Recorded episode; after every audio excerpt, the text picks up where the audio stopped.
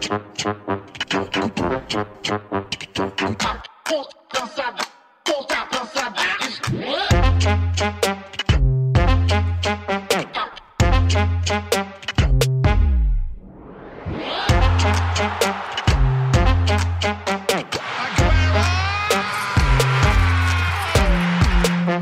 Velkommen til anden halvleg af Fodbold FM, hvor vi i den næste lille times tid skal kigge en anelse ud over de danske landegrænser, hvor vi blandt andet skal snakke om Champions League, Paris Saint-Germains fejlslagende projekt, Thomas Franks eventyr i Brentford og ikke mindst kigge nærmere på ugens udlandsdanskere. Og jeg gør det hele i selskab med sportsjournalist fra Bold.dk, Christian Porse, og de to tidligere fodboldspillere, Jonathan Lolo Nielsen og Martin Borg. Men inden vi vender blikket ud mod fodbold Europa, så bliver vi en anelse i Superliga-regi. Det skal nemlig handle om de mange trænerudskiftninger, der har været i Superligaen siden sidste sæson, hvor både FC København, FC Nordsjælland, FC Midtjylland, AB, Brøndby og AGF har fået en ny træner. Det er altså 50% af Superliga-holdene, som har fået en ny cheftræner i denne sæson. Er det noget, som øh, vækker opsigt hos jer? Ja, det, det, det gør det vel på en eller anden måde. Øh, altså jeg vil sige, at man kan sige, AGF de foretager jo sin, sin, sin trænerrokade på baggrund af seneste sæson. Øh, og og øh, i FC Nordsjælland, der handler det ikke om, at, øh, at man har været utilfredse eller noget som helst. Det handler jo simpelthen bare om, at øh, det har været under opsejling længe, at de gerne vil skifte, skifte ud. Der har jo, det har jo kun gået rigtig godt der. Øh, men i, i nogle af de, i de andre klubber, der handler det jo om deciderede fyringer. Altså, øh, og og det, det er da selvfølgelig opsigtsvækkende, men det, det tegner måske også et billede af, at at i nogle af de klubber, hvor der er øh, større forventninger, jamen så øh, skal du måske også, så er der måske også kortere snor øh, i sidste ende. Ja. Ja, altså, altså, altså det er jo sådan lidt, det er jo lidt forskelligt. Altså, der er jo ingen tvivl om, at, at jo, jo større klubberne er, jo, øh, jo, jo kortere er snor. Det kunne du også se med Jas Thor ved FC København, som det var ikke fordi, at resultaterne sådan var fuldstændig skandaløse. De lå selvfølgelig lidt, lidt at få en dårlig start i, i Superligaen, men der handlede det også, tror jeg, rigtig meget om, hvilken profil du gerne vil have ind som, som træner i sådan en klub. Øh, og så har du Brøndby AGF, som egentlig har haft nogle lange forløb med, med, med, med Niels Frederiksen og David Nielsen, ikke? Øh, som havde været træner i, i længere tid, hvor at det så ligesom var kørt fast, og man har brug for noget, noget udskiftning. Ikke? Øh, så, så, så det er også nogle gange lidt tilfældighed, at det er så mange på så kort tid, ikke? Men, men, øh, men det vidner selvfølgelig også om, at, at du har nogle... Øh, at der er meget på spil i Superligaen. Altså, du har nogle klubber her, som, øh, som, som, hvor det betyder meget, hvis de ikke præsterer, som de skal, jamen, så må man skifte ud og finde, øh, finde noget andet, øh, som, som kan gøre det på en anden måde to af de klubber, som får aller, allermest ros i den danske Superliga, det er jo Silkeborg og, og Viborg, i hvert fald når vi taler om, øh, hvordan klubberne de bliver øh, drevet. Og det er jo ikke nogen af, af de her seks øh, klubber. Ligger i noget særligt af, at det netop er at de her andre seks klubber, det, som der har skiftet træner? Nej, altså, altså jeg synes jo, at, at med Viborg har de har faktisk skiftet træner en del gange, og de har været rigtig dygtige til at, at, at rekruttere, og de har jo den her strategi, som, som der har været snakket rigtig meget om, også med Jesper Fredberg, som har lagt, at man, man rekrutterer træner og spillere ind til, til en, en måde at gøre det på i klubben, og det tror jeg egentlig over tid for, for langt de fleste vil være, og alle vil sådan set være enige om, øh, at det er jo den rigtige måde at gøre det på i forhold til at skabe noget kontinuitet, og du ikke skal starte forfra hver evig eneste gang at du har ligesom øh, et, en, en måde, du har besluttet for at gøre det på, øh, og, og det er så den måde, man gør det på. Det har de jo også i FC Nordsjælland, som så er med på den her liste nu, og det er jo ligesom noget andet, der, der har spillet ind i forhold til, at Flemming P. gerne ville noget andet, og man så synes, man havde den rigtige kandidat til at tage over på nuværende tidspunkt. Øh, FCK har været igennem en periode efter Ståle Solbakken, hvor at man jo øh, Øh, har skulle finde ud af, hvad skulle man så efter en så markant figur. Øh, og Silkeborg har så fundet en rigtig dygtig træner, som, øh, som har genopfundet sig selv i Ken Nielsen, som, øh, som har haft succes med det. Øh, og øh, og det, det jo, kan jo være varet et stykke tid nu, øh, men, men lad os nu se, på et eller andet tidspunkt kan det også være, at, at man kører fast i det, som man jo tit ser med trænere, når de har været et sted i mange år, så, så på et eller andet tidspunkt, ligesom der var med David Nielsen i AGF, som jo også havde succes i starten, så, så skal der så ske noget andet på et tidspunkt.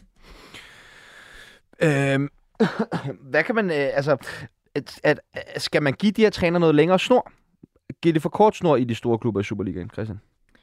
Ja, det er virkelig et godt spørgsmål. Øh... Og hvor lang, hvor, hvor, lang, hvor lang tid skal man sådan i gennemsnit have, hvis man kan komme nærmere det? Jamen, jeg tror, det er, altså, det er simpelthen for, for svært at tegne et generelt billede af, hvad man skal gøre. Det kommer ind på øh, de øh, forskellige cases, der er i de forskellige klubber. Øh, i for eksempel OB synes jeg, man skulle have givet Lars Friis længere snor, øh, og det er jo også meget nemt at sige nu, hvor man kan se, hvordan det er gået sidenhen. Øh, og så kan man jo vente den om og, øh, og, og sige, jamen øh, i nogle af de andre klubber, jamen der, var det, der er det måske det helt rigtige, og, øh, og, og trække stikket efter, øh, efter den antal tid, der er blevet givet. Øh, men jeg synes, det er, er for svært at, at sige noget generelt. Altså det, det er mere på, på de enkelte klubber, og, og hvad den situation, de står i, er. Hvad tænker du, Lolo? Hvor lang tid skal sådan en træner cirka have, ifølge dig? Nu er du jo selv assistenttræner. Ja, men jeg synes Hvor langt det er svært at sætte en, øh, en, en, en tidsramme på som sådan. Jeg tror også, grunden til, at vi lægger så meget mærke til det her, det er også nogle hold, vi alle sammen har, har rigtig store forventninger til. Øh, så jeg tror egentlig mere i det her tilfælde, at det, det er lidt en tilfældighed, for jeg synes stadig, det er et mix af, af, af trænere, der, der har været okay længe på posten, og så er der nogen, der, der er kommet hurtigere. Øh, jeg synes, det er rigtig svært at sætte et, øh, et, et tidsperspektiv på, men det er klart, at man skal kunne se noget. Øh, altså noget af det, det, man gerne vil se, når du ansætter en ny træner, det, det skal du kunne se et eller andet øh, resultat af øh, i, re, inden for en relativt kort periode.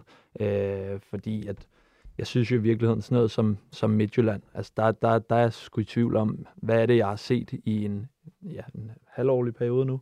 Øh, så, så jeg synes igen, det er svært at sætte en, en tidsramme på, men, men man skal kunne se en, øh, en udvikling Ja, jeg ret vil, godt, hurtigt. jeg vil godt gå lidt længere og sige, at det er ikke bare svært. Det, det kan man ikke. Altså det, det, du kan ikke sætte det op på den måde og sige, hvor lang tid skal man gøre det, hvor lang tid skal du have det. Det, det er fuldstændig umuligt. Det er både øh, umuligt i forhold til fra klub til klub og, og, og generelt at gøre det.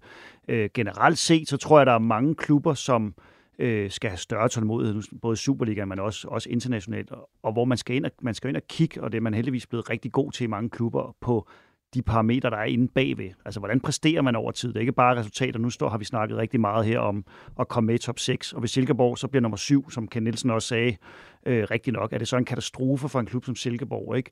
Øh, det er jo for sort-hvidt, fordi der kan godt være præsteret rigtig godt på de underliggende parametre i forhold til, får du udbygget din spillestil, får du udviklet nogle spillere, der præsterer bedre. Og der er selvfølgelig forskel på, om man er FC København, eller om man er, man er Silkeborg i forhold til at præstere.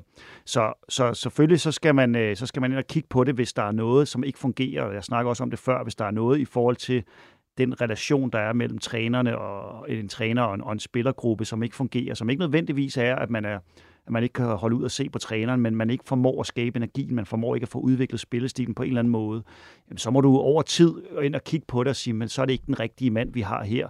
Og så handler det jo også om, hvad har du så i stedet for, at du kan sætte ind, og det, det er jo lige så vigtigt.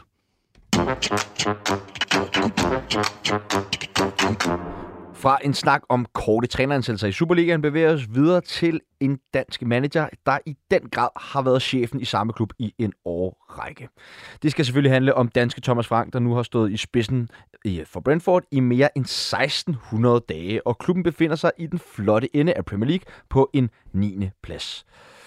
Hvis vi skal øh, starte her med at sætte nogle ord på Thomas Franks projekt i Brentford, hvad er så det første, der popper op i hovedet på jer? Altså en, en, en gigantisk overpræstation og øh, altså et, et enormt stærkt trænerarbejde, at man kan tage en klub, som, og det er han også god til selv at huske på, Thomas Frank øh, har et meget, meget lavt pro, øh, hvad hedder det, budget øh, i forhold til at kunne hente spillere, og meget lavere end, end, end konkurrenterne i, i Premier League. Øh, så det er jo, det er jo altså, det, man må bare have respekt for, at man som træner kan formå at, at, at skabe så godt et, en, en præstation, som de har gjort nu over, over ja, snart to sæsoner i Premier League og også i, i Championship, da han rykkede dem op. Det er, det er enormt flot. Christian, hvad, hvad tænker du på, når du hører ordet eller navnet Brentford?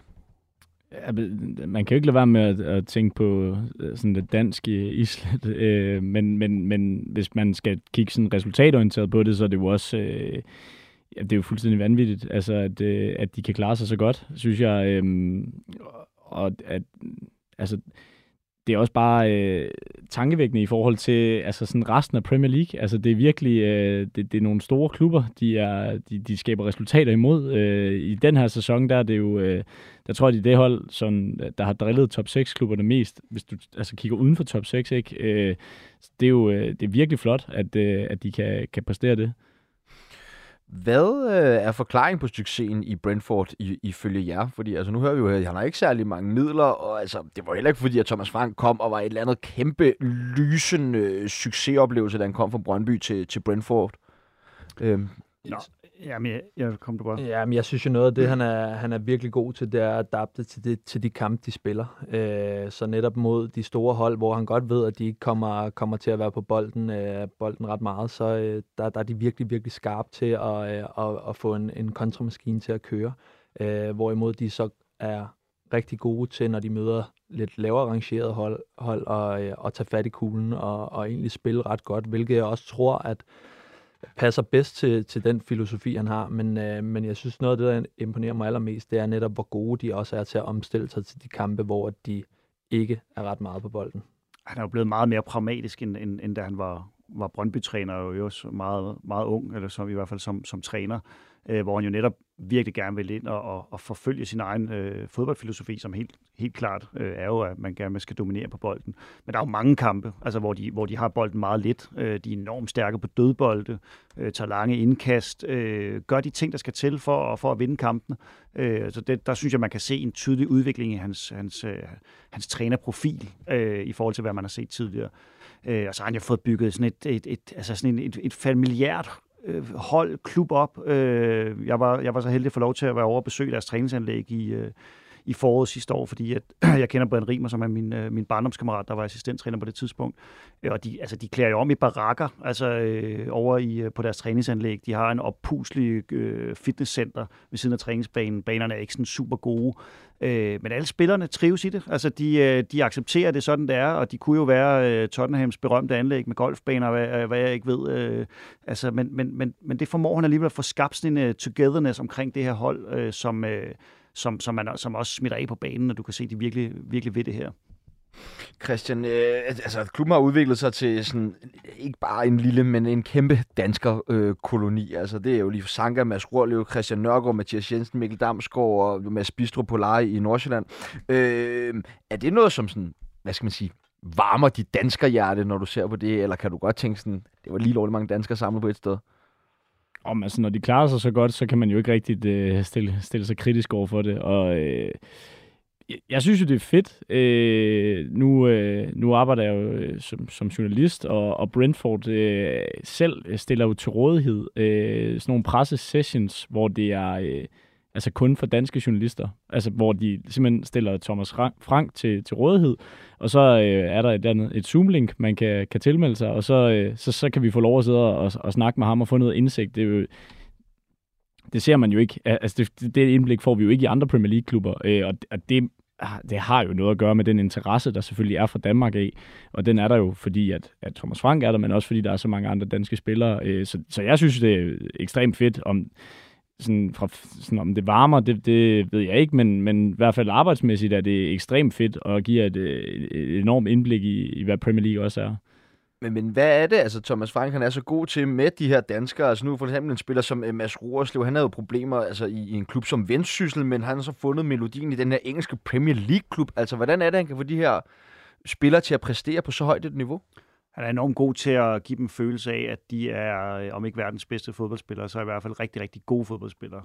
Øh, de, de, det er helt tydeligt at se, at de føler sig trygge med ham som træner på holdet og, og spiller ja, op til deres bedste. Mads Roslev har, har, har gjort det godt i, i de perioder, han er inde og spille. Øh, så jeg tror på, øh, altså Christian Nørgaard kom jo også til, efter han har haft det svært. Mathias Jensen kom også til, efter han har haft det svært, og, og så kommet ind og fået den tryghed, som man har brug for på et eller andet tidspunkt i sin karriere med en træner, der virkelig gerne vil i.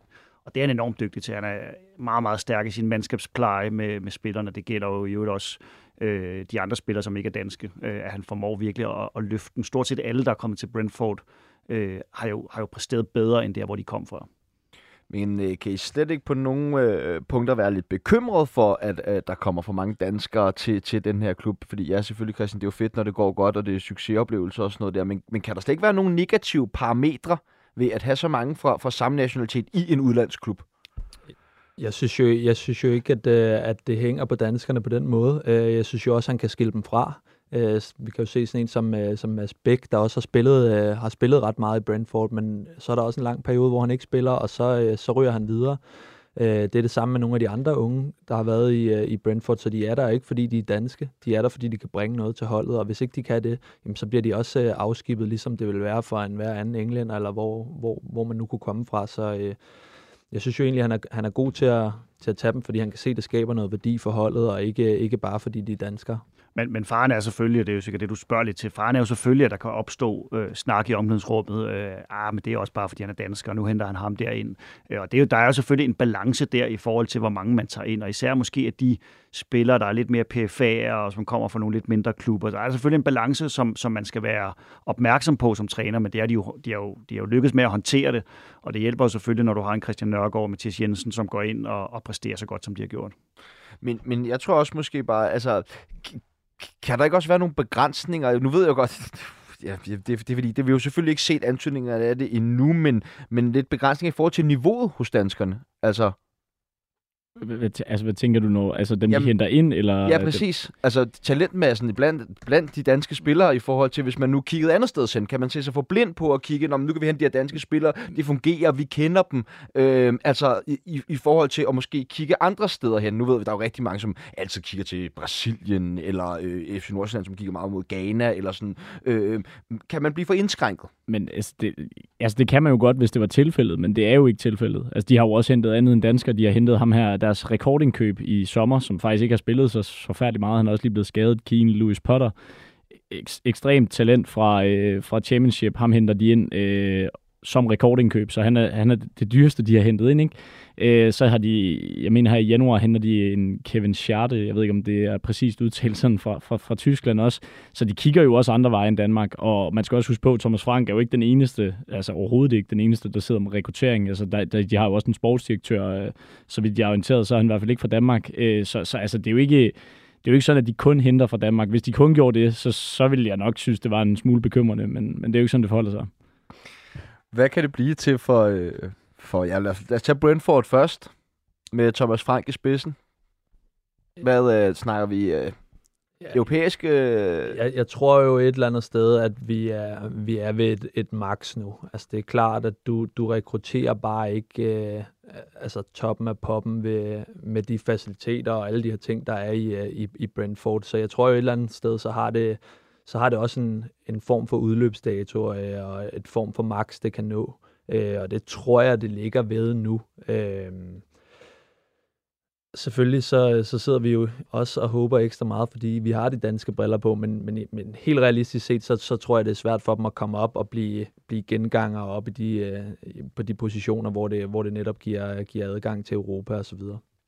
Er I enige i den betragtning? Ja, ja, det, altså, det er der ingen tvivl om. Over tid, så er det jo pengene, der er afgørende. pengene er så store derovre, og forskellen er så stor, så de kan jo sagtens øh, overpræstere, som de gør i øjeblikket, og, og, og holde sig deroppe i nogle år, og, og måske kan de være heldige et enkelt år at snige sig med i noget Conference League eller noget.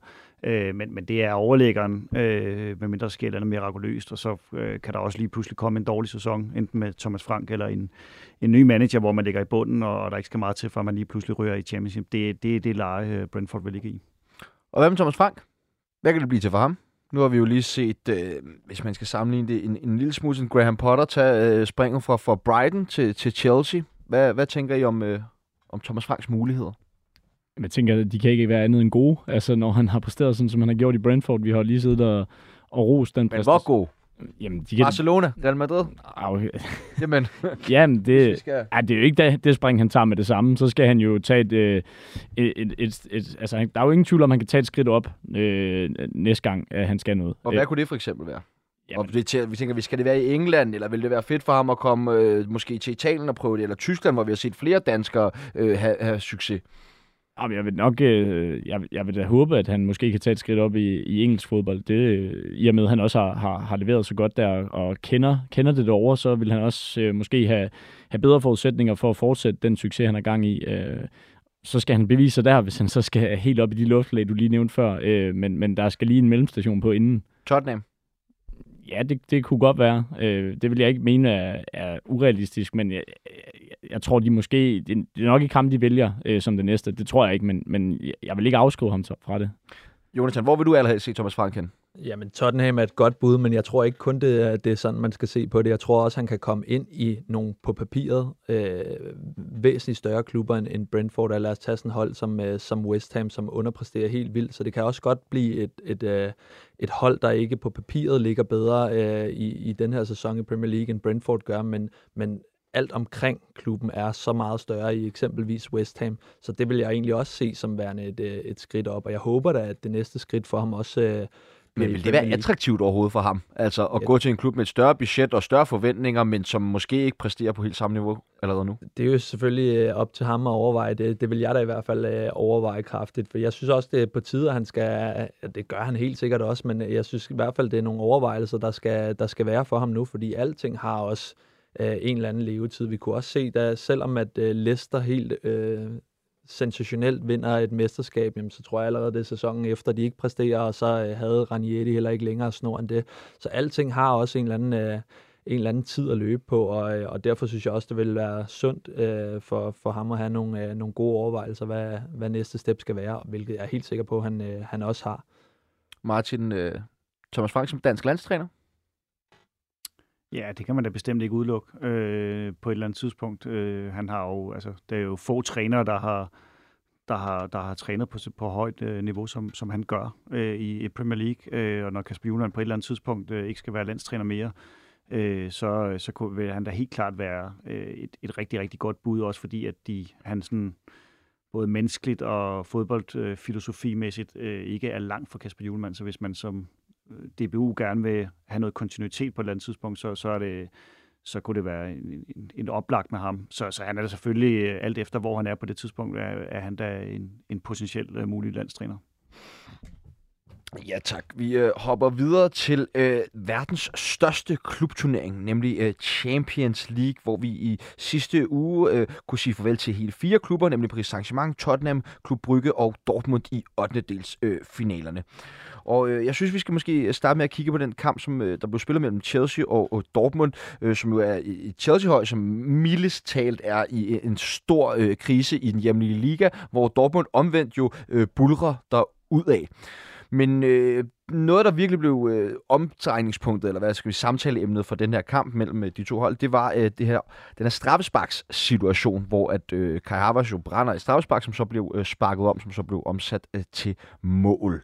Var der overhovedet straffe ifølge jer? Det er noget af det, jeg har aller sværest ved at forstå, det er det varesystem der. Jeg kan godt blive i tvivl nogle gange, om, øh, om, om det har skabt mere tydelighed, end, øh, end, end før det var der. Øh, jeg synes, jeg har set mange lignende situationer, der ikke har givet et straffespark. Så, så, så det er noget af det, jeg har aller, aller sværest ved. Men i princippet, så efter reglerne, så er der, så er der jo straffespark. Martin? Ja, men altså efter reglerne, så, så kan der dømme straffespark, hvis, hvis dommeren vurderer, at, at armen er i en unaturlig position. Øh, min anke mod det der er jo altid, hvad er en, hvad er en naturlig position for en arm? Altså, jeg ved godt, man i forhold til et regelsæt bliver nødt til at have nogle definitioner på det, men altså, når du løber og spiller fodbold, øh, så er der efter mine bedste begreber ikke mange naturlige positioner for en arm. Øh, den kan ligge og flagre alt efter, hvad man gør. Øh, så, så efter reglerne kan du om straffespark. Jeg, jeg, jeg er ikke vild med de straffespark. Der. Jeg synes, det er... Jeg synes, straffespark er for stor en chance i forhold til, at en bold bliver sparket op på en arm øh, så synes jeg, det er for stor en, en, en straf i forhold til noget, som er relativt tilfældigt. Hvordan har hans reglerne ændret sig fra, da du spillede til nu? Øh, jeg ved ikke, det, det, det skal du snakke med en dommerekspert om. Øh, jeg var nok dumpet dommereksamen dengang øh, af mange årsager. Øh, så det, jeg ved ikke, om de har, som sådan har ændret sig så meget, men den store, største ændring, det er jo var. Altså det er jo det, der har ændret, at der lige pludselig er kommet ekstremt mange straffespark øh, på, på hans forseelser i, i feltet. Og det er det, jeg synes, der er proportionelt er forkert i forhold til spillet, i forhold til, hvor meget det betyder at få et straffespark i fodbold øh, så synes jeg i forhold til den forseelse, der bliver begået i sådan en situation, som jo ikke er for eksempel fratagelse af en oplagt scoringschance på nogen som helst måde, så synes jeg, det ødelægger spillet, fordi det, det ændrer jo kampe, at du får straffespark, fordi det er så stor en chance. Ja, og ikke nok med, at hændelsen var, øh, øh eller hvad det, jo, hændelsen var øh, kontroversiel, men altså også det, der sker her efterfølgende med, at der bliver øh, omspark igen. Hvordan ser du på det, Christian? Jamen altså, i, ifølge reglerne, så er der jo igen ikke noget at gøre ved det. Der er jo masser af grobund for at fløjte, men det er jo også bare sådan en af de der situationer, du ser ske. Altså, det sker jo, at, at der er spiller i feltet, inden der bliver sparket. Og det, det er jo også som om, de nærmest skubber hinanden derind øh, i situationen der. Så det er jo også sådan en, hvor du altså, du sidder jo lidt og tænker, at det er Dortmund igen øh, bliver, bliver snydt, men når du kigger billederne, som, øh, som man jo gør hele tiden nu, øh, så, øh, så kan du jo godt dømme det. Men, men, men er, er det igen det her med, at der måske bare mangler en, en mere klar linje i forhold til nogle af de her regler? Ja, altså det, det kan du sige, ikke? Altså, problemet er jo, at, at, at det er jo ret klart, at du kan ikke, altså, de sidder ude i et varerum, og du så har en dommer, som, som jo ikke kan gøre så meget andet, end at fortolke efter reglerne. Altså, de, de, de kan jo ikke sådan stå og sige, ja, men jeg synes, øh, jeg synes måske øh, ikke, det betyder så meget, når de løber ind der, når reglerne er, som reglerne er, fordi du kan jo ikke rigtig gøre andet som dommer øh, i, i sådan nogle situationer. Så, så, så for mig er det mange ofte øh, reglerne, man på en eller anden måde skal ind og kigge på, og se, om der er et eller andet. Fordi man kan sige, den situation, øh, har jo ikke nogen indflydelse. At de løber ind en, en meter ind i feltet, har jo ingen indflydelse i forhold til, at han brænder straffesparket. Altså, så, så, og det, det er jo det, der for mig nogle gange bliver lidt ærgerligt, fordi at jeg synes, det skal ligesom der skal være en mening med det, når man gør det. Og der er masser af ting, hvor det er mening. Hvis, hvis målmanden går før tid, så giver det jo rigtig god mening, og han har fået en fordel ud af det. Men her er der jo ikke noget. Altså noget andet, hvis, hvis, øh, hvis du løber før tid, og målmanden parerer den, og du så når hurtigere frem til den og sparker i mål, jamen, så er det jo åbenlyst, at sparket skal tages om, fordi du har brugt reglerne der. Øh, så, så for mig er det mere end måske reglerne, man skal ind på en eller anden måde og kigge på, om, om varerummet, dommeren kan jo sige, at okay, det er helt ligegyldigt her. Der er brændt straffespark. Øh, det har jo ikke været sådan nogen særlig god sæson for, for Chelsea, det her. Men øh, hvor vigtig var den her sejr for, øh, for Graham Potter, Jonathan? Den er hammerne vigtig, og har nok, øh, nok købt ham et par uger mere, og så er det heldigvis for ham gået, øh, gået fint siden.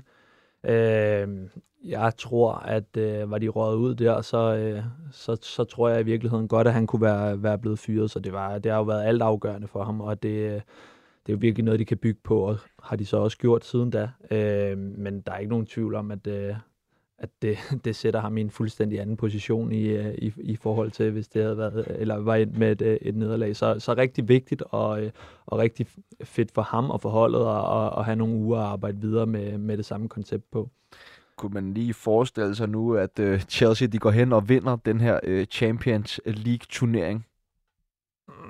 Jeg tror måske lige... Altså, jeg, jeg tror stadig, Chelsea vil være, være, de, være favoritter vel, til mange de, af de, de har vel en mulighed. Ja, altså, ja, og de vil jo... På altså, papiret er det jo et stærkt hold, og... Chelsea er Chelsea. Chelsea har handlet helt sindssygt ind, så lige pludselig kan det være, at de bliver, bliver tydeligere i, hvad de gerne vil, øh, vil i, i, i kampene, og de bliver mere effektive generelt.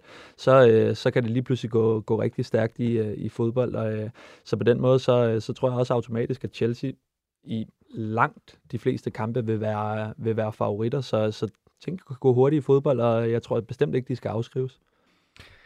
Som vores lyttere godt nok ved, så kan vi godt lide øh, her i Fodbold FM at sende lidt kærlighed mod de danske spillere og klubber. Og en af dem, som har gjort det ekstraordinært godt i den her sæson, det er Alexander Bag, som var med for Benfica i nedsabling af Klub Brygge. Christian, hvad er det for en udvikling, øh, Alexander Bag har gennemgået de sidste par år af sin karriere?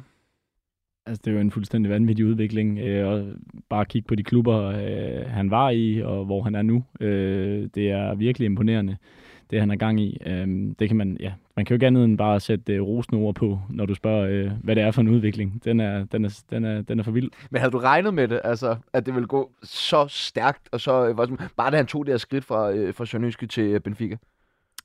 Ja, altså, han tog jo fra Sønderjyske til Slavia. Undskyld, til Slavia Prag. Ja, præcis. Ja. Øh, altså, hvis du spørger mig om, da han var i Sønderjysk, om jeg havde regnet med, at han ville... Jamen, da han skiftede, altså, du, du skulle til udlandet, havde mm. du så, hvad, hvad, hvad var dine forventninger til?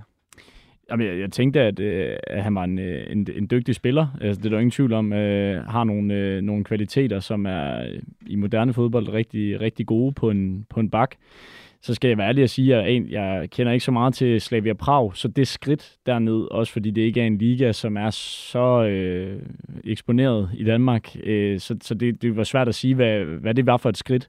Øh, så jeg vil sige, da, da, da han så tager til Benfica derfra, der, der er meget, øh, det, det er meget imponeret over. Øh, men det var jo fordi, han har, han, han har gjort sig fortjent til det og gjort det godt. Hvad er det, han er så dygtig til, Alexander Bag? Altså, han har jo et fantastisk drive frem af banen. Altså, han er jo øh, både løbestærk og hurtig, og har egentlig også nogle, nogle udmærkede dribleskills. Øh, og så så vi også, vi så her i kamp med Champions League, der godt nok annulleret det, det første mål, men hvor han ligger op øh, og kommer igennem. Øh, en god indlægsfod. Øh, så han har jo mange af de kvaliteter, man gerne vil se ved en moderne højre bak, som kan komme hele tiden og øh, være bred i banen øh, lang, øh, det meste af spillet, men også kom lidt ind øh, i den sidste tredjedel ind i, ind i halvrummet og kunne komme ind og slå nogle, øh, nogle afgørende øh, indlæg. Øh, han har relativt okay med assist. Øh, jeg synes, det kunne være spændende. Nu skal Kasper Julemand udtage øh, landsholdstruppen her i morgen. Øh, og jeg er helt sikker på, at han er med. Han var også med i VM og spillede den sidste kamp mod, øh, mod Australien. Øh, jeg synes, det kunne være spændende at se ham fra start af, også fordi Rasmus Nielsen Christensen er lidt ude af holdet ude i, øh, i Leeds, øh, og Daniel Vass er ved at være godt op i årene. Så jeg synes, han skal starte inden. Jeg kunne, synes, det kunne være spændende at få hans drive ind på landsholdet og se, hvad det kunne give. Jamen, kan man ikke godt, jeg ved godt, det er sådan topmålet af bagklodskab, men man kan da godt undre sig over lidt, at han ikke fik noget mere spilletid under øh, øh, VM-slutrunden, når man ser, hvordan han præsterer nu. 100 procent. Altså, det kan man da sagtens, men det er jo som sagt også i, i bagklogskabens lys, at, at, at man gør det. Men, men det er jo klart, at han præsterer jo øh, helt vildt, øh, og så er der nogle af dem, som startede inde øh, under VM, som, øh, som er råd ud af holdet øh, sidenhen men man bliver jo nødt til at, altså, man, den vurdering kan man jo kun tage i det øjeblik, som øh, holdopstillingen skal sættes, vil jeg sige. Ja, så må man sige, Rasmus Nielsen havde været ekstremt stærkt op til VM, så det, jeg synes ikke, man kan sige noget mod, at han skulle spille, øh, og jeg vil også sige, jeg tror, at, at Danmark havde nogle, nogle større problemer, end lige at man skiftede ud på højre bakken under VM, og så havde vi været i, i kvartfinalen eller semifinalen. Ja, de manglede også øh, Rasmus Højlund på toppen, ikke?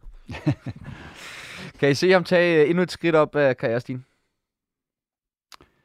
Altså, han spiller i en, øh, en klub, der er i kvartfinalen i Champions League øh, lige nu, og, øh, og, og, og man har jo set øh, mange gange også spillere tage fra, fra portugisiske store klubber videre til, til også større adresser i Spanien, så det, det kan man bestemt ikke udelukke. Jeg tror lige, han skal præstere over lidt længere tid. Han skal nok også ind og spille omkring øh, landsholdet fast, for at han kan tage op til en, en større adresse, men, men altså, en rivende udvikling, og det, det, det kan jo da bestemt ikke udelukkes. Ej, med sådan en rubidefarvet pas, så bør der i hvert fald være plads til ham i en øh, klub i, i Premier League, vi allerede har talt øh, lidt om. Nå, vi bevæger os videre til øh, Frankrigs allerstørste klubhold, Paris Saint-Germain, der nok engang måtte se sit Champions League-projekt gå i vasken, da de sidste uge røg ud til Bayern München. Hvis man ser på de stjerner, klubben har hentet til, altså Messi, Mbappe, Neymar, Sergio Ramos, øh, hvor, fortal, hvor fatalt er det så for klubben, at de er ude af verdens største klubturnering allerede nu? Jonathan?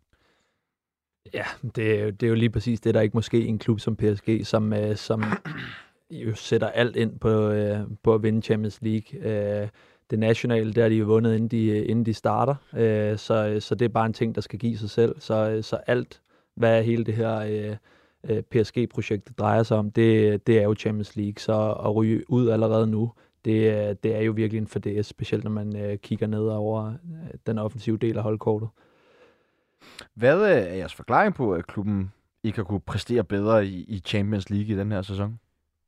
Jamen altså, det, det, er, øh, det, det er jo svært at sige 100% øh, det her, som jeg, jeg var inde på nu, men det, man har hele tiden en fornemmelse i PSG af, at der, der mangler, øh, altså at, at nogle gange at det er lidt for meget af, af spillerne, som sådan styrer øh, slagets gang. Øh, der, der kan være lidt for sådan, det kan godt virke som om, at der er lidt sådan løse... Øh, løse linjer nogle gange, øh, også øh, med, med for eksempel en spiller som Neymar. Altså det virker jo nogle gange til, at han så er han lige skadet på grund af, at han skal, skal hjem til en eller anden form for, for fødselsdag i Brasilien. Øh, og, og det, er bare, det er bare for at sige, at, at i en trup, så, så, altså i så stor en klub, så går det jo ikke, at, at, at, det er, at, altså, at der ikke er en, en helt klar linje og, øh, og nogle regler i forhold til, at når du skal ud og præstere mod de andre tophold, jamen så, så så bliver alle jo ligesom nødt, nødt til at løfte i flok, og man kan også, altså når man, jeg, jeg, jeg kan ikke, når de spiller, så de tre forreste, de går jo tit altså rundt op foran, og så er det, altså indtil de får bolden. Øh, det er jo ikke sådan et hold, hvor du har fornemmelsen af, at alle bare arbejder 110 procent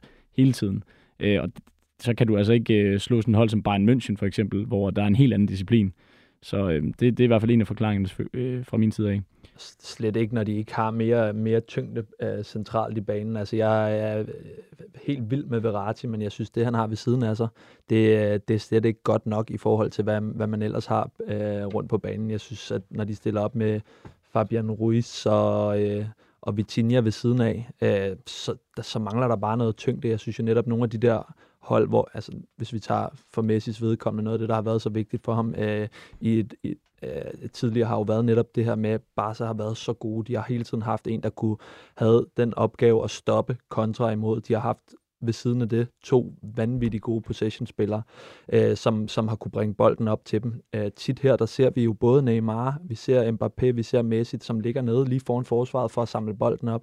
Så jeg synes, der mangler noget tyngde i den midtbane, øh, før, før de kommer, kommer helt derop. Jeg synes også, jeg har set kampe i, øh, i, øh, i den hjemlige liga, hvor de er slet ikke så dominerende, som, som sådan hold egentlig skal være. De, er bare, de har bare den fordel, at de har tre op foran, som, som kan lugte ved en halv chance. Martin, øh, altså, jeg tror ikke, der er nogen tvivl om, at der er nogle spillere på det her Paris Saint-Germain-hold, som hvis de i hvert fald opfatter sig selv som større end holdet. Øh, nu tænker jeg i hvert fald på Neymar og Mbappe. Der har været alle de her historier om Mbappe, som jo nærmest er blevet ansat som en eller anden form for sportsdirektør i, i Paris Saint-Germain med hans nyeste kontrakt her.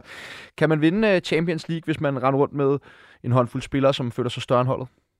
Og træneren også, for den sags skyld. Øh, ja, det, det kan man godt. Altså, det er der jo masser af eksempler på, øh, at, at man har set før. Men, men, men det, det er jo netop det, som... Altså, det, der er problemet med Champions League, det er, at, at du har de her spillere, som ud af det blå kan lave de her mål, som, som, øh, som Jonathan snakker om i den franske liga. Men, men når de så skal gøre det over en 8. finale, en kvartfinale, en semifinal og en finale, øh, så vil der være de kampe, hvor du så møder et Bayern München-hold, som straffer det, og som, hvor, hvor du netop ikke kan gøre det. Øh, øh, det virker til, at der er en eller anden form for dysfunktionalitet i, i, i holdet. Øh, både måske med nogen, der føler sig lidt større, men det tror jeg egentlig er okay. Altså det, det, det, du ser du også på det brasilianske landshold, hvor alt er lagt op til Neymar. Og... Så er det også i et vis omfang for Argentina og for Frankrig ja, jo. Det, øh. det, det, så du kan, godt, du kan godt have noget, som, som vi aldrig vil se i Danmark, hvor du har de spillere, som bare er den, som alle på holdet vil give bolden for at, at, at få, øh, få det til at lykkes for, for Messi, som du så ved VM, hvor du ligesom kunne se, at det var ligesom det, alle de argentinske spillere ville have, at det var Messi, der skulle score målene, hvis han kunne. Det var ham, der skulle blive verdensmester. Så det kan du godt. Du kan godt have det der.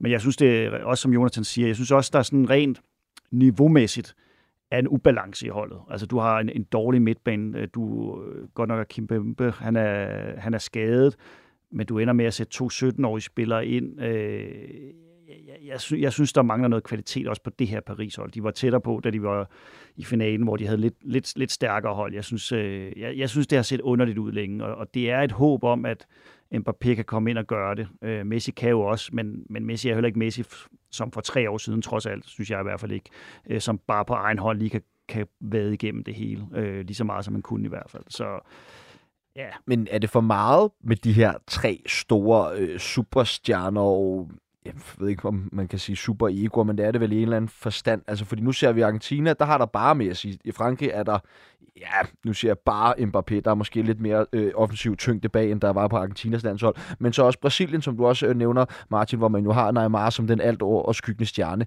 Er det for meget med de her tre på et hold?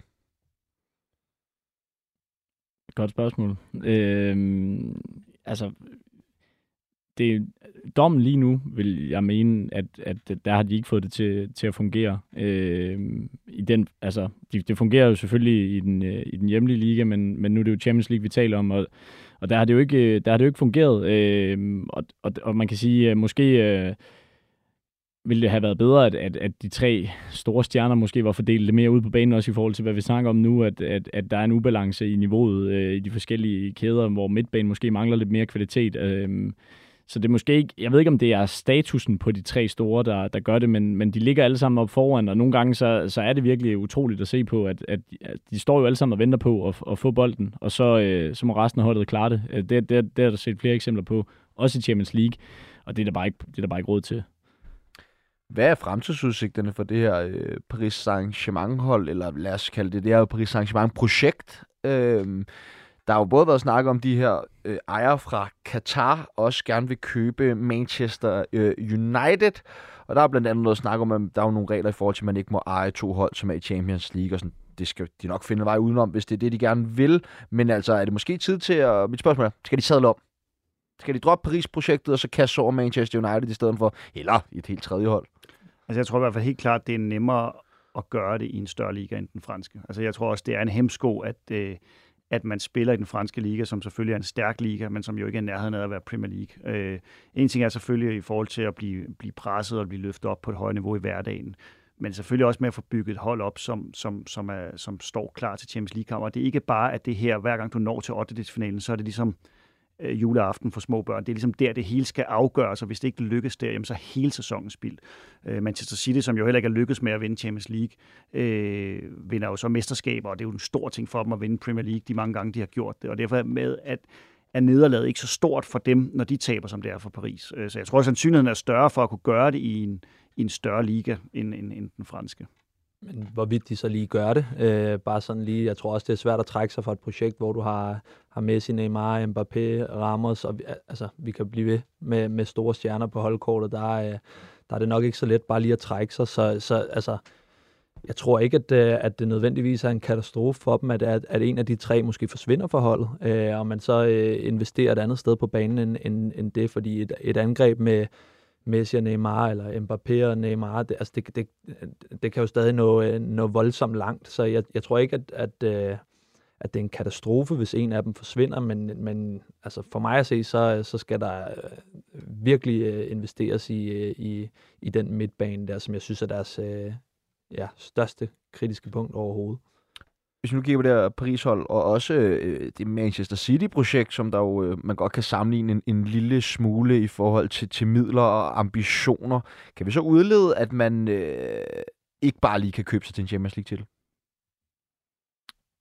Mm, ja, nej. Altså, øh, altså det, det er svært at vinde Champions League. Altså, så, så på den måde, så kan du sige, det, du kan ikke bare lige sige, nu bruger vi en masse penge, og så vinder vi Champions League. Det kan du ikke.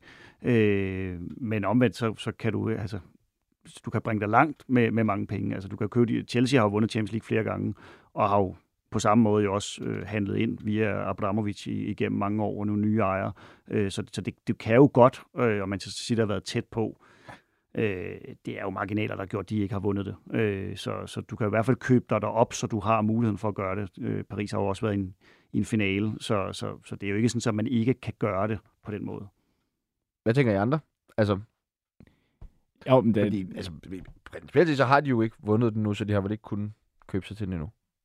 Ah, nej. Selvfølgelig skal der nogle penge til at vinde en, en Champions League. Det tror jeg, vi alle sammen er enige om, at man ikke bare lige kan gøre med. Øh, men altså, Ja, altså, ja, ja, det, man kan sige, de, de har jo været tæt på begge klubber. Altså, de har jo stået i, i en finale begge to. Øh, jeg havde godt nok også regnet med, at City ville vinde deres, øh, da de stod i den i, var det 21 mod Chelsea. Øh, så altså, det, det, er en, det er en, det er jo, altså man kan jo, man kan jo godt sige lige nu, at det har de jo ikke kunne gøre, men, men om det er om det er det, eller om det er nogle andre aspekter, øh, jeg tror måske mere, at øh, altså for PSG's vedkommende, at det er nogle andre aspekter, end det, at at de har mange penge, der gør det. Altså det handler mere om, om, om den retning, de, øh, de ligger for dagen, og øh, de, de figurer, de har til at skulle, skulle lede og sætte sig i respekt over forholdet og sådan nogle ting. Øh, jeg tror mere, det der, det, øh, det ligger hos dem. Øh, og, og, og altså, situationen er jo en helt anden i Manchester City. Øh, der er ikke nogen, der, øh, der er over Guardiola der. Han har fuldstændig styr på den trup i forhold til, hvad, hvad han gerne vil. Så, så det, er ikke sådan, det er ikke de helt samme øh, aspekter, der er i de klubber, synes jeg. Det er vel netop lidt af den følelse, man mangler i PSG. Altså de sidste tre, fire trænere har man jo ikke haft en altså man har stadig den der følelse af, at det er spillerne, der bestemmer et eller andet. Mm. Uh, vi kan også se det i FCK, hvor at, altså, når vi, hvis jeg lige tager den her hjem til, i forhold til da Torup uh, er træner og har en måde at gøre det på, som jeg tror for mange kunne virke sådan lidt, jamen altså, hvor meget dominerer han det omklædningsrum? Nu har de fået Næstrup, en helt tydelig træner, der ikke er bange for at sætte sig i respekt, der ikke er bange for at smide den og den øh, på bænken.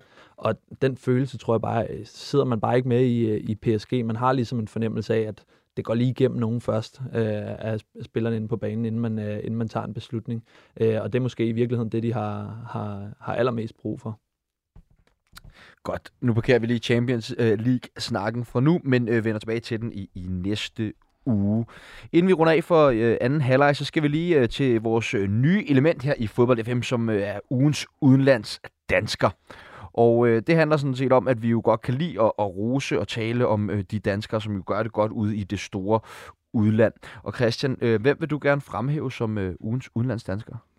Ja, altså man kan sige, øh, ham som jeg har valgt at fremhæve, det er, ikke, øh, det er jo ikke fordi han øh, nåede at, at gøre det store væsen af sig, men jeg synes alligevel, det skal markeres. Øh, Kasper Tengstedt nede i Benfica fik langt om længe sin, øh, sin debut, efter han har skiftet derned, og det, øh, det markerer jo øh, endnu en gang øh, den vilde rejse, han har taget øh, fra fra AC Horsens i, i sommer, og, og nu står han så i Benfica og har fået sin, øh, sin første minutter. Han kom ind i det 89. minut. Øh, vel at mærke samtidig som Andreas Schjellerup, som jo også, vi også kender herhjemme i Superligaen. Øh, men nu er det jo Kasper Tengstedt, der er fra Danmark, og øh, ja, det, det synes jeg bare fortjener stor respekt. Øh, nu har han fået sin, sin første minutter, og, og så, øh, så håber vi selvfølgelig, at han kommer til at spille, øh, spille meget mere fremover. Ja tak. Hvor, ja, hvor overrasket er du også over? Altså, ja, det, det, det kan vel nærmest ikke gøre op i... Ej, det er jo en vild rejse. Altså, når man, øh, når man, når man i sommer øh, kommer op i Superligaen sammen med, sammen med AC Horsens. Øh, jeg kan også huske, at han, øh, i, i juni var han afsted med U21-landsholdet, øh, hvor jeg dækkede dem tæt en uges tid over i Vejle, øh, og der var han jo heller ikke... Øh, altså han var jo ikke øh, første mand på holdkortet der. Altså det var, det var Kvistgården og, og Højlund, der var første angriber der, og så, øh, så, kunne, så kunne turen gå, gå videre til ham. Så det var ikke lige det, man havde regnet med at se. Øh, men, øh, men, men det der skiftet til Norge, det var jo... Øh, det var jo bare øh, en raket, som så øh, kunne fortsætte videre ud, og, og man kan sige, når man laver hvad, 15 mål i 14 kampe, så i Rosenborg, så bliver der jo selvfølgelig lagt mærke til en. Så øh, det, er, det, det er vildt. Ja, tak. Der var en uh, norsk journalist nede ved VM Katar, der spurgte Kasper Julemand efter, jeg kan ikke engang huske, om det var efter Frankrigs kamp, eller om det var efter det, vi havde tabt til Australien, om han skulle have udtaget Kasper Tingsted i stedet for, om det var, det var en fejl, der var, der var begået. Uh, det siger også lidt om uh, kometkarrieren, han bliver bragt op på et pressemøde nede i, i Katar. men, det, men der er et eller andet med at lige tage sådan en smuttur til Norge som, øh, som dansk fodboldspiller, hvis man gerne vil have, have gang i målscoring. Lolo, Jamen, øh, dansker i dine øjne? Jeg, jeg havde i virkeligheden skrevet det samme, også bare fordi jeg synes, det er så vildt. Øh, det, er, det er netop så, så voldsom en rejse. Altså, han kommer ind og erstatter Gonzalo Ramos, der lige for tre måneder siden har øh, ødelagt Ronaldo ud af det Portugal-hold der i hans formentlig sidste VM. Altså, det er, det er en fuldstændig vanvittig præstation, og lidt, lidt ligesom vi har det med, med Alexander Bar, så, øh, så, så, så er det bare en stor klub at komme til. Men, øh, men for ikke at være, øh, være helt kaffe og vælge den samme, så, øh, så synes jeg også, det er svært at, øh, at undgå Philip Billing. Altså, han, øh, han lukker en kamp øh, mod, øh, mod Liverpool. Øh, har også været sådan lidt i nogle øh, transferryg, der ikke altid måske lige øh, på banen og så videre og så videre. Men jeg synes bare, at, øh, at han ofte kommer tilbage, han kommer ind, og han viser bare, at han hører, øh, hører til i, i det her Premier League-niveau. Skulle også mod øh, Arsenal sidste, øh, sidste kamp. Ja, men øh, og, og det det. Han, han, øh, han kommer bare tit tilbage og, og er egentlig hammerne stabil og har spillet plus 100 Premier League-kampe. Øh, jeg havde egentlig tænkt mig at tage Kasper Tengstedt og lade, lade Julemand give Philip Billing øh, ugens kado, når han udtager landsholdet i morgen, men, øh, men nu tager jeg ham for ikke at være, for ikke at være helt kaffe. Ja, tak. Jamen, jeg havde egentlig også Billing stående, men jeg har også sat en, en ekstra med, hvis nu han var, var taget. Øh, jeg har taget Anders Dreyer, som, øh, som scorede et godt mål i, øh, mod Villarreal i Europacupen her i, i ugen. Jeg synes bare, han, han, han har fået en, en, en stærk start, lavet en, en, en del mål nede i, i andre lægt, og øh, på et hold, som, som gør det okay med, med Brian Rimer som træner, men stadigvæk også lige øh, skal finde det helt stabile, hvor de bare vinder øh, uge efter uge, men han har, han har fra start af bare gået ind og gjort det rigtig, rigtig godt, og det synes jeg, det synes jeg, det synes jeg er klasse. Det viser, at han er en klassespiller. Jeg er spændt på, om han kan om han kan tage et skridt højere op, om han, hvis han for eksempel kommer med omkring landsholdet, om han har niveauet til at komme endnu højere op og kunne spille med på landsholdet og spille måske i Premier League. Øh, det er jeg stadig ikke helt sikker på, men jeg synes, han er en, en fantastisk spiller. Jeg synes, han er, det, det er en fornøjelse at se ham, se ham spille, og det er nogle, nogle forrygende mål, han laver øhm, altså noget, jeg kommer til at tænke lidt på, også i forlængelse af, at nu øh, Kasper Juhlmann, han skal jo ud til det i morgen, han udtager øh, landshold. Ja, tak. Øh, øhm, alle de her spillere, vi sidder og snakker om nu, var jo ikke rigtig nogen, som var øh, i spil under øh, VM. Vi ser jo også en, en Rasmus, jeg ved godt, det var udtaget flere af dem, men øh, også en spiller som Rasmus Højlund i Atalanta og sådan noget. Og igen, det her, det er jo super nemt at sidde her og være øh, skide bagklog. Men, men kan I ikke også godt undre jer en lille smule over, at, at så mange spillere, som præsterer så kort tid efter den her slutrunde, ikke har været med at spille? Ja, både og. Altså, der er ingen tvivl om, der var, der var øh, man, kan, man, man, man kan og skal diskutere, at der var nok lidt for mange spillere med i Katar, som ikke var i form, og som har slidt med skader, øh, hvor man kan jo tage nogle andre med. Øh, og om det så var to andre spillere, man kunne bytte ud på, men det, jeg synes jo ikke på nogen som helst måde, at der var at, at man kunne forsvare at lave en revolution op til et VM med et landshold, der havde præsteret så sindssygt godt, som det havde. Så jeg forstår godt, at, at, at landstræneren tog, tog de spillere med, som har gjort det så godt, som han stolede på, på lange stræk, og så kunne man tage en eller to. Så det, det synes jeg ikke. Til gengæld så synes jeg, at man, øh, man efter den præstation i, i Katar kan, kan forvente, at, at der bliver skiftet noget ud. Selvfølgelig skal øh, stammen bevares, og der skal ikke skiftes øh, 20 spillere ud. Men jeg synes, der er så mange dygtige nye spillere, unge spillere, som har præsteret øh, både før, men især også efter, som jeg rigtig gerne vil se på landsholdet. Nogle af både nogle af dem, vi har snakket om her. der er også en Morten Julemand i Lecce og øh, Rasmus Kærgaard. Øh, så, så der, der er nogle... Øh... Ingvartsen skal vel også have chancen på et eller andet tidspunkt, skal han ikke? Jo, altså Kasper Julemand kender ham godt. Jeg er ikke sikker på, at det er ham, der er løsningen på, på det danske landshold. Det er jeg ikke overbevist om, at han har niveauet til. Jeg vil hellere have nogle af de lidt yngre spillere med, som, som, som jeg tror kan gå ind og blive virkelig, virkelig topspillere. Der synes jeg, det bliver enormt spændende at se truppen, og hvem det er, han, han gerne vil have med. Også om en Philip Billing om, det er nu, han kommer med. Jeg er ikke sikker på, at han er Kasper Julemands øh, foretrukne type som spiller. Øh, så jeg, jeg, jeg tror ikke, han kommer til at få en fast plads på det danske landshold, men, men må ikke han er med. Og det blev de sidste ord for anden halvleg af Fodbold FM, og dermed også de sidste ord af denne uges udsendelse. Kæmpe tak til vores panel, bestående af Christian Porse fra Bold.dk, Jonathan Lolo Nielsen og øh, Martin Borge, for at gøre os selskab øh, endnu en gang her i studiet.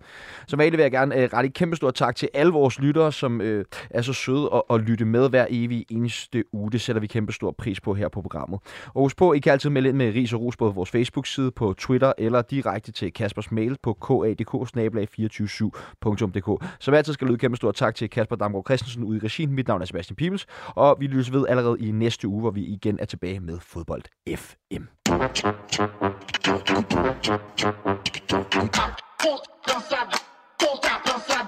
Ponta.